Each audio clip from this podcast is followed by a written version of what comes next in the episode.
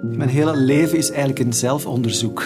Dus zowel mijn oogaandoening als mijn geaardheid heb ik gaandeweg moeten bij elkaar puzzelen. Op het Kruispunt is een podcast over LGBTI mensen met een handicap en de vaak onverwachte raakvlakken daartussen. Wat er wel werd gezegd in de familie, dat was dan ja, Xavier is anders, maar dat heeft te maken met zijn beperking. Dat hij zachter is en zachtaardiger. We hebben het uiteraard over het leven met een handicap. Ik heb febulaire hemimelie. Zo het enige dat je daarop kunt antwoorden is gezondheid. Uh, allee.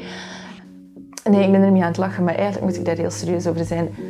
Maar bovenal is dit een podcast over mooie mensen met geweldig boeiende verhalen.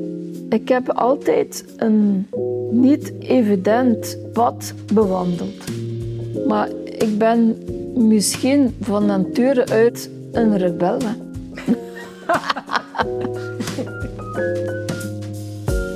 Vijf unieke portretten, elke donderdag in juni, te beluisteren op alle podcastplatformen. Abonneer je alvast, dan vind je vanaf 1 juni elke aflevering in je podcastspeler. Op het Kruispunt is een productie van Playbird in opdracht van Savaria en met de steun van het Fonds De Warmste Week.